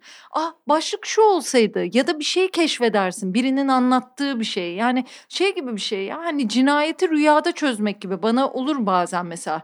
Bir, evet. bir, bir şeyi orada bulurum. Ama çünkü beynim çalışıyormuş. Onunla yatarım. Ya yani ben bir sorunu çözmek istiyorsam da gece geç saatte uyumadan hemen önce çok yorgunken bakarım mesela. Demek ki beyin hmm. orada da çalışıyor. Senin dediğin e, benzer evet. bir şekilde. O ciddiye almaktan da kaynaklanıyor tabii. Problemi o kadar kişiselleştirip ciddiye alıyorsun ki hmm. orada arkadaki bulma mekanizması yani muhtemelen bir bariyer kalkıyor yorulunca hmm. o anlattığım işte ve o tak gözükür hale geliyor yani. Eee, sen o zenginlik konuşmanda şey demiştin ya, yani dostlar edinmek, böyle tak diye Evet. aradığında güzel muhabbetler edebileceğin insanlar. Eee, son zamanlarda onun değerini daha da anlıyorum. Sen orada şey bir şey söylemiştin. Yani bir kelimeyi açıp böyle eee, saatle konuşabildiğim arkadaşlarım var. Bu zenginlik. Evet. Benim de öyle mesela açıyorum işte e, mimar Kerem Piker yani açıyorum nihilizm üzerine bir şey söylüyorum. Sonra ya o bir yerde ben parkta yürüyorum o sırada. O öyleydi de bu böyleydi de o da benzer bir şey okumuşsa onu anlatıyor falan. Ya bayağı bildiğin kavram konuşuyoruz. Bu o kadar büyük bir zenginlik ki. Evet, evet. Ben de karşılıklı senin programlarını dinlerken de bunu hissediyorum bu arada. Yani bir sürü ben senin bayağıdır ilk programdan beri dinliyorum. Aynen mutlu. Ve e, gerçekten de çok o şeyi yakalama yani oradaki anlamı bulma, güzel bir şey çıkarma kaygını çok net görüyorum. Yani orada bir şey var. E, keyif hatta kaygı değil mi? Yani öyle bir yöntem var onu görüyorum. E, kesinlikle katılıyorum sana. Yani o arkadaşın e, farklı alanlarda mesela bugün işte Ebru Yetişkin geldi atölye ve yıllardır konuşuyoruz ama dedim ki ya ben bunu hala çözemiyorum yani dedim ve ona şeyi anlattım işte. Ben bir şey üreteceğim. Sanatsal pratikle üretmekle bilimsel pratikle üretmek arasındaki fark nedir? Tekrar konuştuk. 500. kere. Bugün tekrar bir saat boyunca bunu konuştuk. Yani bu gerçekten inanılmaz geliyor bana. Yani tabii ki bulunduğumuz çaptan konuşuyoruz. Yani bir yandan okuyoruz, o akademisyen araştırma yapıyor vesaire. Bu bana çok keyifli geliyor. Yani işte yani uçuk bir konu varsa kafamda onu dertleşebileceğim 3-4 arkadaşımın olması hı, e, inanılmaz dediğim gibi yani bir derinleşme fırsatı veriyor ve farklı açıdan bak bir de arkadaşın güzel bir tarafı var. Arkadaşın numaralarını yemiyor. yani Anlatabildim mi? Sen Tabii. orada bir yani bir hile yapıyorsan tak diye çıkartıyor. Yani senin derdin o değil aslında. Bak şu diyor. Sen böyle orada kabak gibi kalıyorsun ortada yani. Hani hmm. psikoterapiste benzemesin de o yüzden dedim yani. Özel, çocukluk arkadaşları hiç acımazlar. Yani ya de bana böyle ağlama der. Senin derdin şu sen zaten hep böyleydin der. İşte hafızası iyi arkadaşlar tabii çok kritik yani hayat için. Benim hafızam çok kötü olduğu için hmm. hafızası iyi arkadaşlarım beni ferahlatıyor. Ya diyor ki sen 20 yaşında da buydun diyor zaten. Bunu yeni bir şeymiş gibi anlatma bana diyor. Hmm. İki tane hikaye anlatıyor. Ben kendimle barışıyorum. Yani o yüzden dediğim gibi çok doğru. Yani birbirimizi o kabile işte bunlar aslında topluluğunu yaratma. Hmm. Kabileni yaratma. Yani ona değer verme. Böyle ben de çok hor davrandım. Yani bir sürü arkadaşımı aramadım, yıllarca görmedim vesaire. Ama döndüğümde çok hızlı ısındım. Hmm. Artık daha da de, değerini biliyorum yani. Hele Covid zaten canımızı okudu galiba yani bu pandemi bu açıdan bizi mahvetti yani aslında. Evet Fiziksel ya. olarak görüşememek e, hmm. e, çok azalttı. O yüzden böyle yöntemlere gitmeye başladık. Ya bu arada dinleyiciler için garip ve uzun bir yayın olmasın. Bilinç akışı konuşuyor gibiyim. Ya Bager'i çok izlemiyormuşum. Flu TV'de İlker Canikligil'in yayınlarından birinde sanat konuşurken fark ettim. Onun Deniz Yılmaz olduğunu fark ettim ben. Çünkü Deniz Yılmaz'ı biliyorum, fark etmişim, onunla çok ilgilenmişim ama yapan sanatçıya yeterince dikkat etmemişim. Belki de bu başarısının e, bir sonucudur aslında. Çünkü e, Deniz Yılmaz isminde bir robot var değil mi? Onu sen biraz anlat evet. bize isterim. Ondan sonra da e, Bager'in bütün konuşmalarını hemen hemen dinledim ve e, hepsinde ayrı bir konu var. Hepsinde ayrı bir düşünce pratiği var ve onun ilgi çektiği alanlara dikkat etmek zihnimde çeşitli pırıltılar yarattı. Mesela işte e, Türkiye'deki e, internetteki upload hızı bizde üretimin az olmasının e, göstergelerinden biri upload hızının e, düşük olması değil mi? Çünkü bir şey yaratıp üretip göndermeye değil de ya bunun bir şey indirmeye. bile ilginç. Yani şey deriz ya araba satsın istiyorsun ne yaparsın? Yol yaparsın. Hı hı. İnsanlar dijital kültürde bir şey üretsin, yayın yapsın istiyorsan yükleme hızını arttırırsın, indirme değil. tüketmelerini istiyorsan indirme hızını arttırırsın. Bizde indirme hızı yüksek yani. Yani simetrik hat bulamazsın bizde mesela. Ya müthiş. Çok pahalıdır yani. Ben bunu herkese anlattım. Tamam mı? Bu yayında da bir şekilde söylemiş olalım. İkincisi samimiyet mesela. Tertemiz, steril üretim mekanları, tasarım mekanları yaratıyoruz. Ya aslında üretimin izleri var. Zaten ha, anlıyorsun yani mesela tanıtım başka bir şey. Üretimin izleri talaş vardır, atık vardır, bir şey vardır, hareket vardır. Biz bunları görmezden geliyoruz. Biz kürke, ye kürküm ye çok alışmışız. O kadar alışmışız ki bunu yiyoruz yani. Bir öğrencinin okuluna gittim.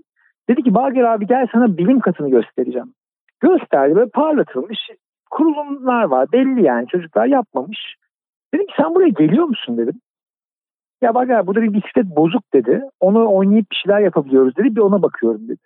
Yani koca alanda tek bozuk olan şey çocuğun ilgisini çekmiş. Hmm. Diğerleri ilgilenmiyor da aslında. Yani dolayısıyla bir kendi kendimizi kandırma durumuna çok kaptırmışız. Bu demin dediğin şeyle ilgili bir şey söyleyeceğim. Bu iyilik, iyiyi görme kavramı ile ilgili. Bu Hans Rosling vardı işte İsveç Sağlık Bakanı'ydı galiba. O bunlar üzerine çok yazdı, çizdi, anlattı vesaire. Ee, çok güzel konuşmaları var. Yani eğer ona bakmak istiyorsan gelecek güzel günler mi getirecek diye de çok güzel bir tartışma kitabı var, videoları da var. Onlara da bakabilir insanlar. Orada şey olayı var. Yani dünya geçici kötü dönemler yaşasa da genel anlamda iyiye gidiyor. Çünkü metriklerimiz var yani. Hani bir insanın ölme olasılığı düşüyor. Bir insanın yaşam süresi uzuyor. İşte bir kız çocuğunun okula gitme istatistiği şu an inanılmaz yükselmiş durumda. Bir sürü iyi metrik var. Ama haber olmaz bu. Dediğim gibi yani medya üzerinden dünyayı okumaya kalkarsak orada kaosla karşılaşırız. Kötü haber. Çünkü birisinin başı büyük beladaysa ben güzel bir şey paylaşamam orada. Mesela medya, sosyal medyada kötü bir hava döner. Mesela gerçekçi değildir o karşılaşma. Bunu anlamamız lazım. O iyiyi istatistiksel gözle, bilimsel metriklerle, ölçeklerle ölçüp görmemiz gerekiyor. Çünkü ben dersem okul çok kötü, şu çok kötü dersem herkes daha dikkat eder ve daha iyi olur. Doğru. Yani Hı. yakınmak iyi bir strateji. Hı. Doğru ama bir noktaya kadar. Öbür türlü birbirimize bulaştırmaya başlıyoruz bu kötü. Ki oradan kurtulmak lazım gibi geliyor. Tabii. Anlatayım mı Deniz Yılmaz'ı? Lütfen anlat.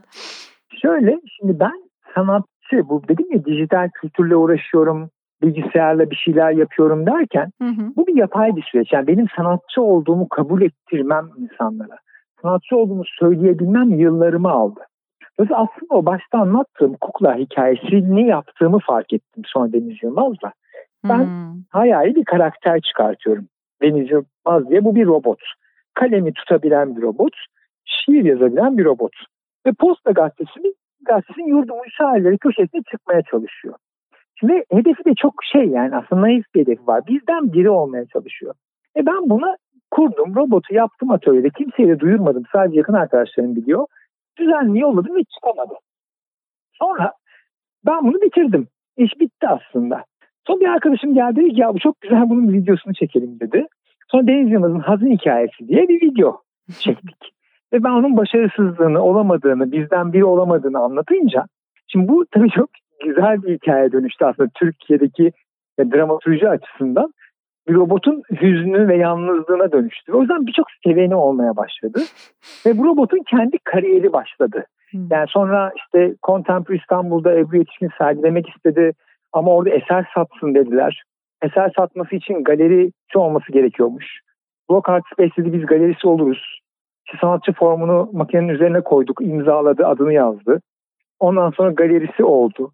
Eser satmaya başladı sefer para kazanınca bu parayı ne yapacağız diye konuşmaya başladık. Çünkü ben cebime atarsam benim işim olur. Kendi olsun istiyoruz Deniz Yılmaz. Hı hı. Kariyeri olsun istiyoruz. Bu parayı yönetecek bir fan grubu kuruldu. Onlar onunla karar vermeye başladı. Fan grubu bütün haklarını aldı benden. Bende, bende hiçbir hakkı yok Deniz Yılmaz'ın. Fan grubu kitap çıkarma kararı aldı. Paralar kitaba gitti. Deniz Yılmaz şiir kitabı çıkardı. TÜYAP'ta imza günü yaptı. Sonra daha da ünlenmeye başladı. Uluslararası şiir festivallerine gitti vesaire benden koptu. Ama kariyerinde hala biz o fan grubu olarak etkili olmaya devam ettiğimiz için ben şimdi Deniz Yılmaz'ın kariyerini onu sevenlere kendi sorabildiği bir platform kurmaya çalışıyorum. iki buçuk yıldır. Mahlas diye bir şey. E bir yandan da o Deniz Yılmaz'ın sanatçı olması hikayesinden kendi sanatçılığıma bakıyorum. Deniz Yılmaz'ın kendi olabilmesi üzerinden benim kendi olmam. Hmm. Yani ne demek bunlar? Hani en başta şey dedim ya anlamak için anlatıyorum. Dedim ya kendi problemlerime bambaşka yerden bakmamı sağlıyor Deniz Yılmaz. O yüzden aslında bir kuklaya söyletip kendimi görüyorum. Neler yapıyorum, neler anlıyorum.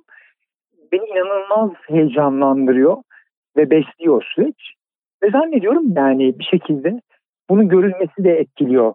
Ve bunlar üzerine diyaloglar e, yaratıyoruz gibi geliyor. Hmm. Peki ismini de anlatır mısın Deniz Tabii. Yılmaz oluşunu? Soyadı aslında şöyleydi. En başta Mehmet Yılmaz diye düşündüm. Sonra dedim ya bunun cinsiyetine karar vermek benim ne haddime? Hmm. Çünkü en popüler isim soyad Türkiye'de Mehmet Yılmaz. Evet. Yani kadın erkek arasında en popüler o. Sonra dedim ya ortalama olacak çünkü yani ortalama bir şair olmak istiyor. Aslında şey gibi düşün. Hani robotlar hep ya dünyayı ele geçirir ya bizim kölemiz olur onları yok ederiz ya. Hı hı. Bu robot öyle bir robot değil. Bu robot böyle ekmek sırasında sırasını korumaya çalışan bir robot. Yani anlatabildim mi? Hani kimsenin hakkını yemeye çalışmıyor. Kimse benim hakkımı yemesin diyor. Derdi o. O yüzden ortalama olma şeyine ismi de öyleydi. Yılmaz en popüler soyad yine kaldı. Türkçenin tabii çok güzel bir özelliği var. Bir unisex isimler var. O yüzden Deniz'de düzgün dağılım. Yani aslında Hikmet ve Yüksel daha popüler isimler ama cinsiyet dağılımı düzgün değil. Deniz'in %55-45 gibi galiba e, en popüler unisex isim olan Deniz adı oldu. Yılmaz soyadı oldu. Vesikalığı da Posta Gazetesi şairlerinin yüz ortalaması oldu. O yüzden öyle bir şey gitti. Şiir kitabında zaten o yüzden fanları şey koydu.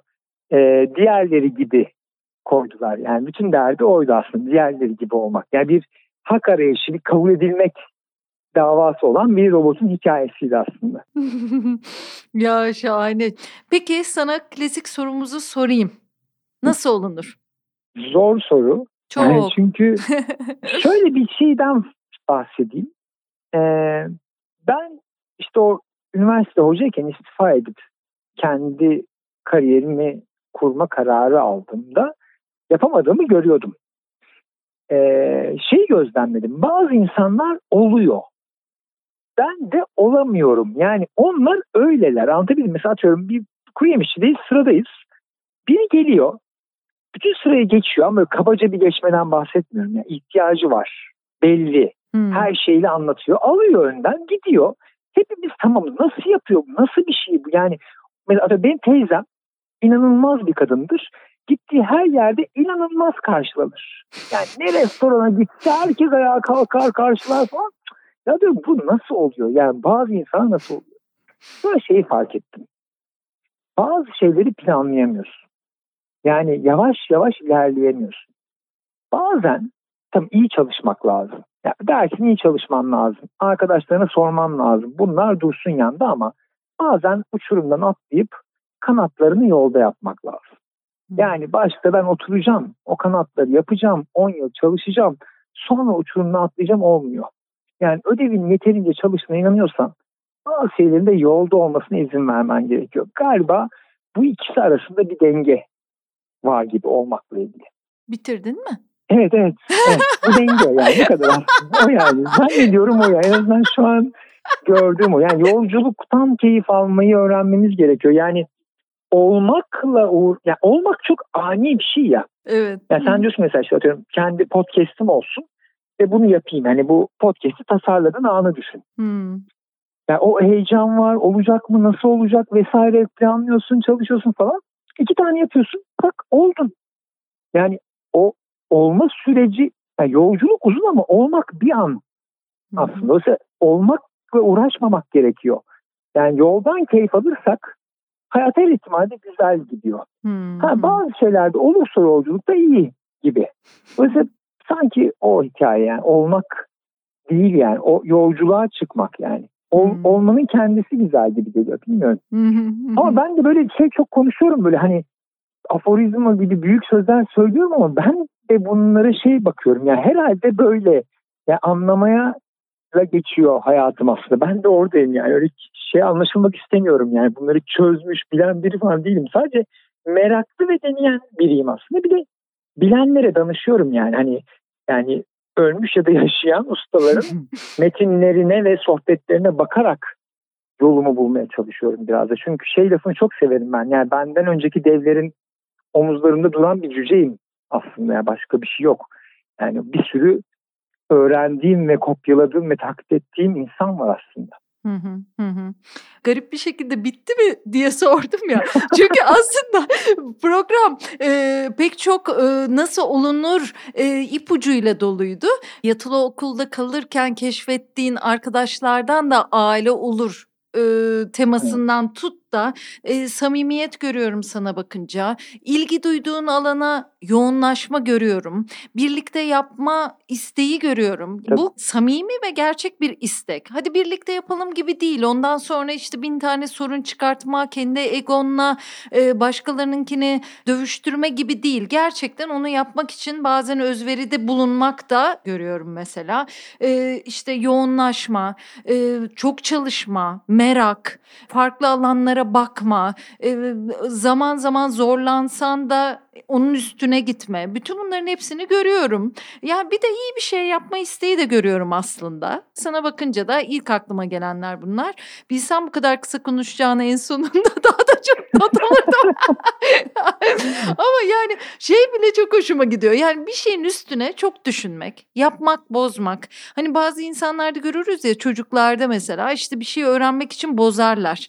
Mesela sen evet. onu bozmaktan çekinmiyorsun. Yani bir evet. olmuşken olduğu düşünülen bir durumdayken bile onu anlamak için, çözmek için nasıl yaptım ya da gelecekte bunu nasıl daha iyi yaparım için bozduğunu da görüyorum. Senin adına ben söylemiş Ya çok teşekkür ederim. Çok güzel söyledin. Yani şey çok değerli gerçekten hani o hani arkadaş konusu zor da bir konu bizim için şu anda. Sen de çok güzel bir örnek verdin. Yani biz de atölyeyi öyle tanımlıyoruz. Yani benim bulunduğum atölye de öyle. Biz beraber iş yapmıyoruz diyoruz biz yan yana iş yapıyoruz diyoruz. Hmm. Yani herkes kendi sevdiğiyle uğraşıyor. Arada tesadüfi güzel karşılaşmalar oluyor diyoruz. Yani bu alanları yaratmak çok değerli birbirimize. Hı Galiba zaten öyle bir şeyler bulacağız. Yani şimdi ben şeyi çok okuyorum. Yani bu tarih niye var? Bize niye tarih öğrettiler? Tarih aslında bize geleceği tasarlayamayalım diye mi gösterildi? Yani bunları falan çok kafa yormaya başladım günümüzde. Mesela alternatif tarihleri nasıl oluşturabiliriz? Yani alternatif gelecekleri nasıl görebiliriz bu alternatif tarihlerle? Bunlara bakmaya çalışıyorum. Çünkü oturup biraz ütopya yazmamız lazım. Böyle şey değil yani. Tam böyle muhteşem ütopyalardan bahsetmiyorum. Olabilirlerden bahsediyorum. Mesela bunlar bu hikayelerden çıkıyor. Hmm. Ama sadece hikayeden değil deneyerek de çıkıyor. Zaten benim kendi adıma sevindiğim yanlarından biri yaparak anlatıyorum. Yani tam bir hikaye anlatıcısıyım ama yaptığım şeyi anlatan biriyim. Yani sadece hikaye anlatmıyorum. Bir an deli gibi sahada deniyorum, uyguluyorum. Kimisinde işçiyim, kimisinde başka bir roldeyim vesaire. Bunlar o olası gelecekleri çıkarmaya çalışıyoruz. Çünkü çocuk yapmak da böyle bir şey. Hayatta kalmak da böyle bir şey. Yani geleceğe dair bir ümidimiz olması gerekiyor. O onu kurgulamak aslında. Hmm. Yani ne olacak, ne olabilir, nasıl olabilir ya da sıkıştıysak bir konuda yani bambaşka bir bakış açısı getirenler var mı? Burada nasıl denemeler yapabiliriz? Biraz bunlara bakmak, o oyun alanlarını yaratmak ve denemeler gibi geliyor. Çok sağ ol, çok teşekkür ederim hmm. sözlerin için. Gerçekten inanılmaz iyi geldi bana da. Yo çok mutlu oldum ben böyle insanlar olduğunu görünce e, mutlu oluyorum. Peki nasıl bitirin bu programı? Herhalde şey kalıyor aklımda. Yani bugünden. Bu benim bolca kalıyor. Yani e, o kriz durumları, şu an bir kriz durumundayız ya dünyada. Hı hı. Ee, o yüzden galiba önce kendimize bakıp sonra sevdiklerimize bakmamız gerekiyor gibi geliyor. Yani biraz o nefes şey kendime çıkardım aslında bugünden bu yani. Hmm, Kendi nefesini kontrol edip birazcık kendine bakıp sonra neler yapmamız, sevdiklerime bakıp sonra dünya ile ilgili neler yapacağımıza bakmamız lazım. Yani yavaş yavaş olacak. Hmm. Bir anda biri gelip kurtarmayacak bizim çabamızda olacak. Ama şu an çaba gösterecek gücümüz yok. O yüzden kendimize bakarak başlamamız gerekiyor gibi. Hı hı. Yani ilk şey en net aslında bugünle ilgili aklımdaki o ve krizi de görmezden gelmemek de gerekiyor. Yani burada aşırı çabalamaya da girmemiz lazım. Evet zor bir dönemden geçiyoruz. Bunu atlatmamız lazım ve ileriye doğru çabalamamız lazım ve en azından çabalayanlar olduğunu bilmek bana ümit veriyor aslında. Evet bana da. Çok teşekkür ediyorum. İyi ki katıldın. İyi ki anlattın. Görüşmek üzere. Hoşçakal.